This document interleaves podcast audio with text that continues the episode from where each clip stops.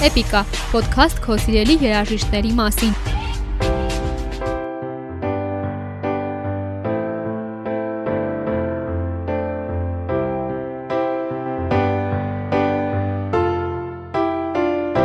The Beatles խումբը անկասկած աշխարի ամենահայտնի ու հզոր բենդն է։ Խոստովանեմ, դժվար էր նրանց լեգենդար պատմությունը տեղավորել էպիկայի 30 րոպե տևողություն ունեցող այս էպիզոդում կամ ընտրել այն երգերը, որոնք կլսենք այդ ընթացքում։ Սակայն իսկապես փորձել եմ, այնպես որ չհուսահատվես, եթե առաջիկա րոպեների ընթացքում չհնչի Beatles-յան քո սիրելի երգը։ Եվ այսպես, թեև 4 հոգուց բաղկացած այս խումբը կարճ կյանք է ունեցել, նրանք կարողացել են գրավել աշխարի գրեթե բոլոր ծայրերում ապրող երաժշտասերներին, այդպիսով հիմք դնելով ֆանատական մի շարժման՝ Beatlemania-ին։ Նրանց շնորհիվ ու ջանքերով փոփ երաժշտությունը կարողացավ վերջապես գլուխ բարձրացնել որպես արվեստ։ Սակայն նրանց երաժշտությունը միայն փոփ ժանրով չի սահմանափակվել։ Ռոք, ինդի, ֆոլք ու ավելին։ Այս ամենը Beatles-ի երաժշտության անբաժանելի մասն էր։ Մնա ինձ հետ, որ էպիկայի այս էպիզոդի ընթացքում իմանաս ոչ միայն Beatle-ների յուրահատուկ սկիզբը ու տրագիկ ավարտը, այլ խմբի մասին քիչ հայտնի, բայց ամենահետաքրքիր փաստեր։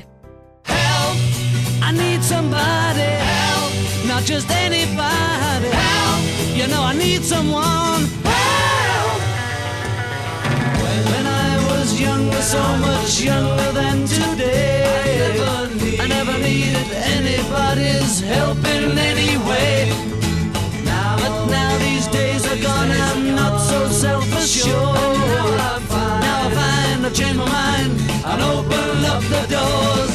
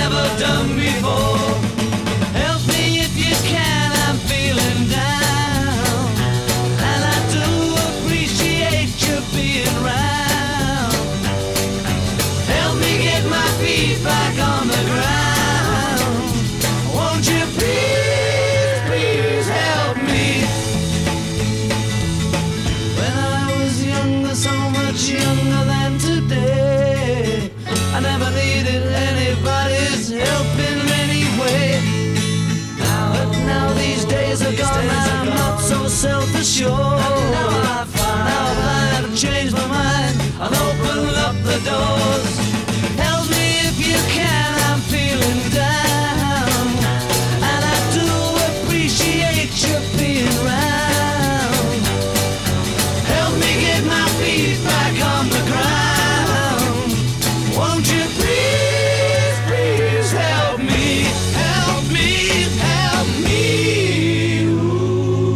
1960 թվական Լիվերփուլ։ Այդտեղ ու այդ ժամ եղավ Beatles-ի սկիզբը։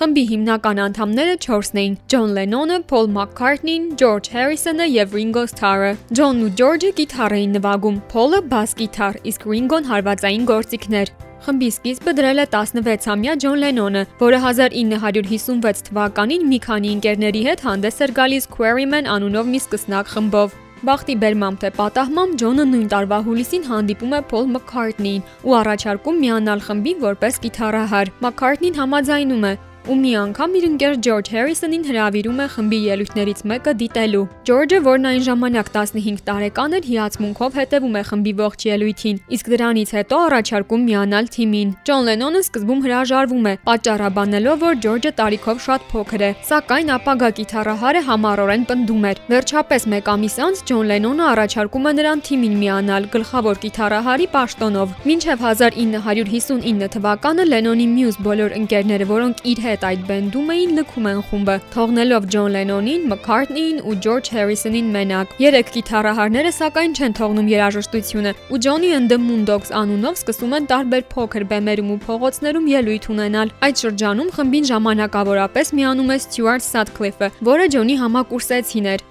Հենց նրա առաջարկով էլ խումբը սկսում է ներկայանալ Beatles անունով, ինչն ամերիկյան Buddy Holly and the Crickets rock բենդի պատվին էր։ 1959 թվականից հետո նրանք սկսում են ներկայանալ որպես Beatles, այնուհետև Silver Beatles, ապա պարզապես The Beatles։ 1961 թվականին սակայն Stewart-ը լքում է խումբը, ու 1 տարի անց տղաները լսում են, որ իրենց նախկին անդամը մահացել է։ Այսպիսով The Beatles անունն ավելի հարազատ է դառնում նրանց համար։ Yesterday All my troubles seem so far away Now it looks as though they're here to stay Oh, I believe in yesterday. Suddenly, I'm not half the man I used to be. There's a shadow hanging over yesterday came suddenly. Why she had to go, I don't know. She wouldn't say. I said something wrong. Now I long for yesterday. Yesterday, love was such an easy game to play. I need a place to hide away. Oh, I believe in yesterday.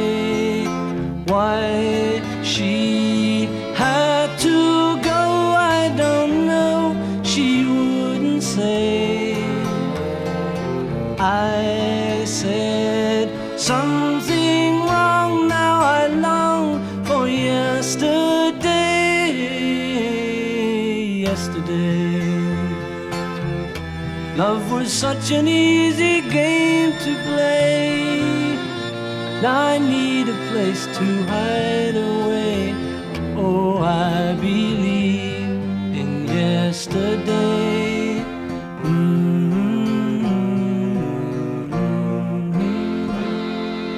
The Beatles-ը շարունակում է ելույթ ունենալ Լիվերփուլում, ինչպես նաև իրենց ոչ պաշտոնական մենեջեր Ellen Williams-ի աջակցությամբ Բերլինում, հիմնականում լապտերների թաղամասում։ Գերմանական փաբերից մեկում նվագելու ժամանակ նրանց նկատում է գործարար երաժշտական մի խանութի սեփականատեր Brian Epstein-ը։ Հասկանալով որքան թարմ շունչ են բերում նրանք երաժշտական աշխարհ, Epstein-ն առաջարկում է դառնալ նրանց մենեջերը։ Տղաները համաձայնում են, սակայն քանի որ հարվածային գործիքներ նվագող երաժիշտ չունեին, բարձում են Ringo Starr-ին, որն էլ հետո դառնում է խմբի մշտական անդամը։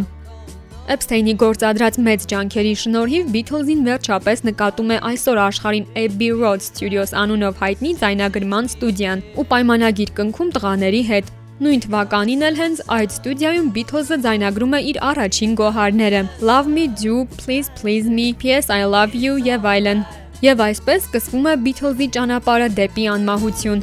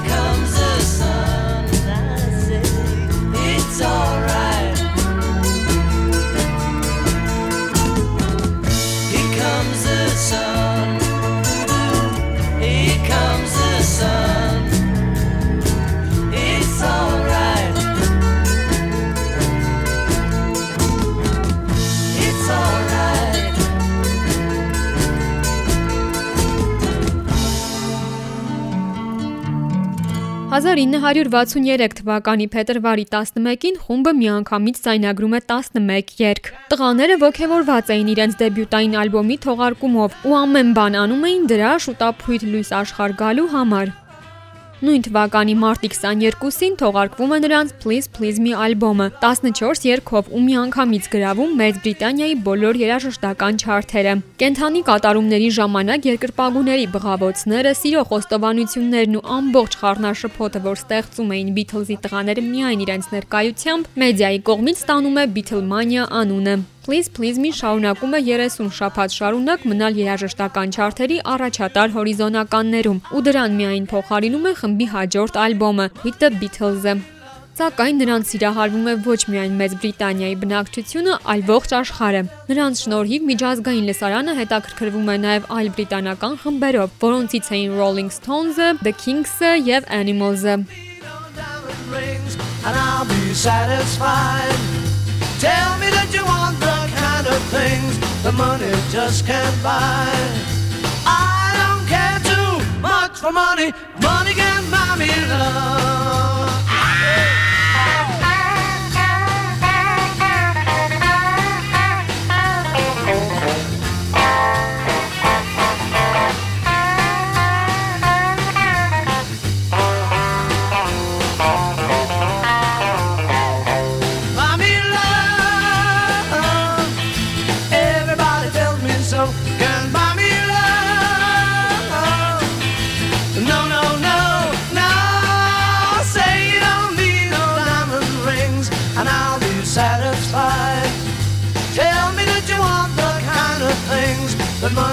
Just can't buy.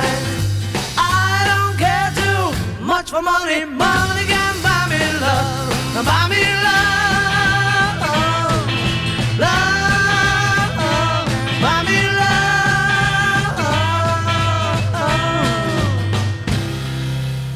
4 տարի շարունակ Beatles-ն առանց դադարի երաժշտական շրջագայություն է ունենում աշխարհի մի շարք երկրներում ու ավարտում այն 1966 թվականին։ Պատճառը ձայներից հոգնելն էր քանի որ նրանց խոսքով հանդիսատեսը չէր լսում իրենց երաժշտությունը, այլ ուղակի անդադար բղավում էր։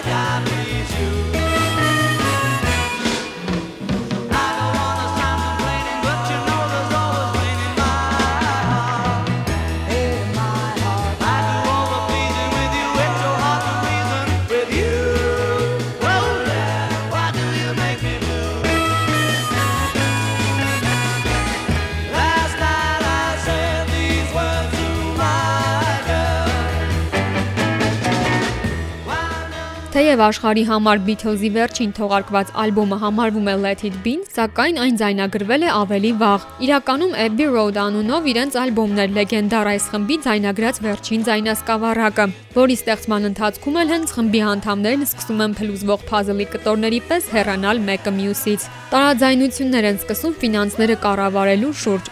1969 թվականի սեպտեմբերի 20-ին վերջին ալբոմի հաջողված ռելիզից հետո աշխարհը լսում է աղետային նորությունը։ The Beatles-ը լուծարվում է։ Hey Jude,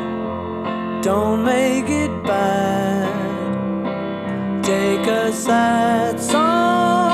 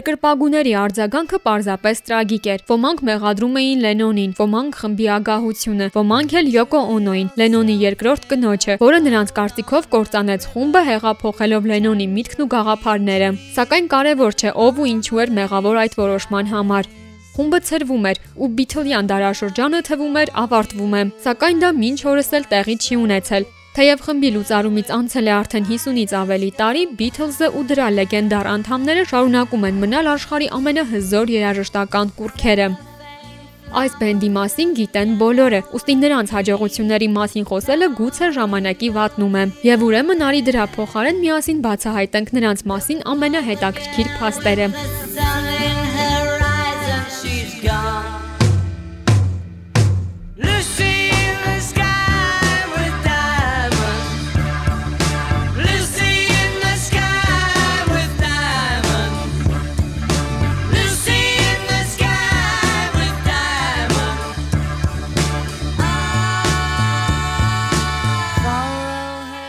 Երիտասարդ Ջոն Լենոնը տարված էր Elvis Presley-ով ու նրանից ոգեշնչվելով էլ սկսել է երաժշտությամբ զբաղվել։ Ավելի վաղ տարիքում նա հագնվում էր Presley-ի պես, մազերը հետ սանրում ու նրա նման շարժումներ անում։ Երբ Beatles-ը հայտնի դարձավ, խմբի մենեջեր Epstein-ի ջանքերով տղաներին հաջողվեց հանդիպել Presley-ին, սակայն Լենոնը հիասթափված էր։ Նրա խոսքով հանդիպումը ընկերական միջավայրում էր, բայց Presley-ին հետաքրքիր չէր նրանց հետ շփվել ու որպես անհատ ճանաչել։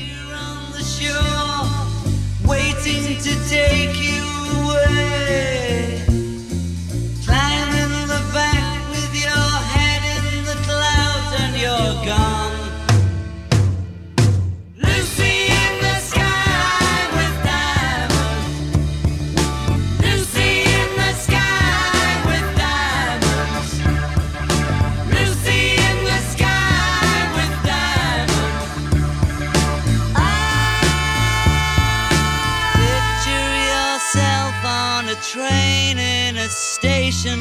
With plasticine pauses with looking glass ties.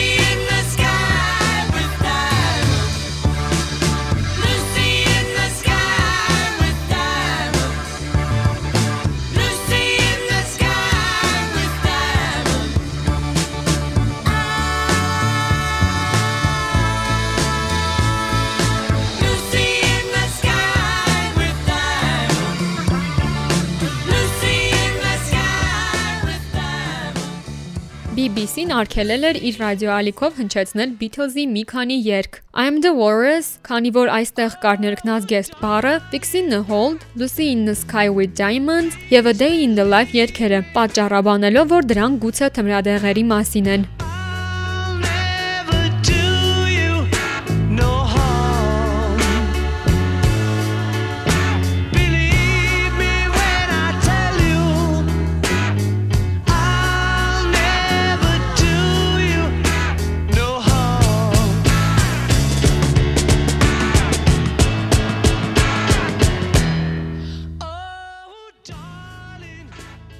Beatles-ի անդամներից եւ ոչ մեկը նոտաները չգիտեր։ Նրանք կիթառ, դաշնամուր ու հարվածային գործիքներ էին նվագում, ինչպես նաեւ երգեր հեղինակում, սակայն այդ ամենն անում էին առանց նոտաները ճանաչելու։ Սա իրոք ցույց է տալիս, թե որքան տաղանդավոր էին նրանք։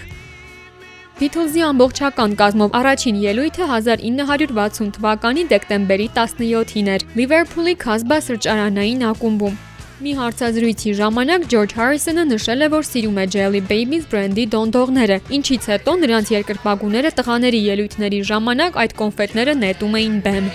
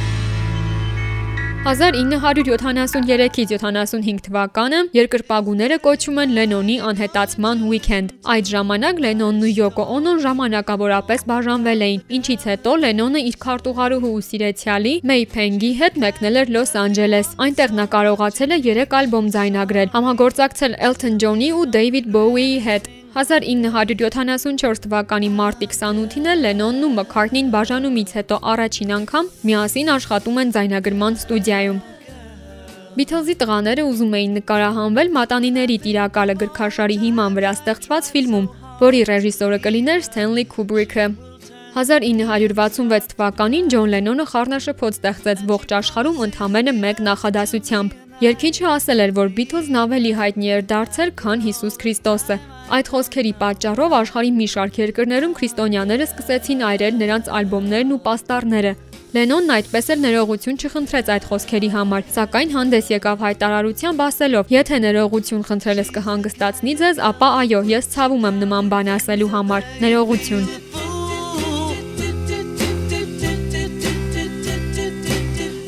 say she's looking good, she acts as if it's understood. She's cool. Ooh, ooh, ooh, girl. Girl, girl. Well, she told when she was young that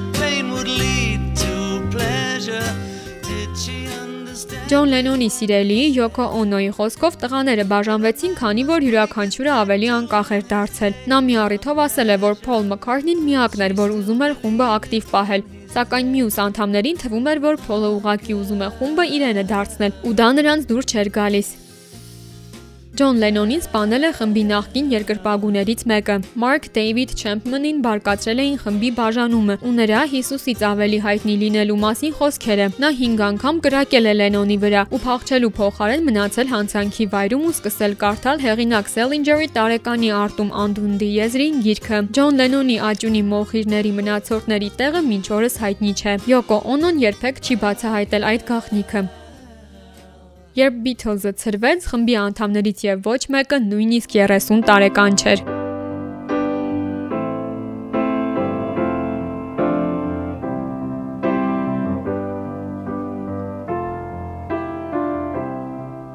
When I find myself in times of trouble, Mother Mary comes to me, speaking words of wisdom, let it be. And in my hour of darkness, she is standing right in front of me, speaking words of wisdom, let it be. Let it be, let it be, let it be, let it be. Whisper words of wisdom, let it be. And when the broken hearted people living in the world agree, there will be an answer, let it be. But though they may be parted, there is still a chance that they will see. There will be an answer, let it be.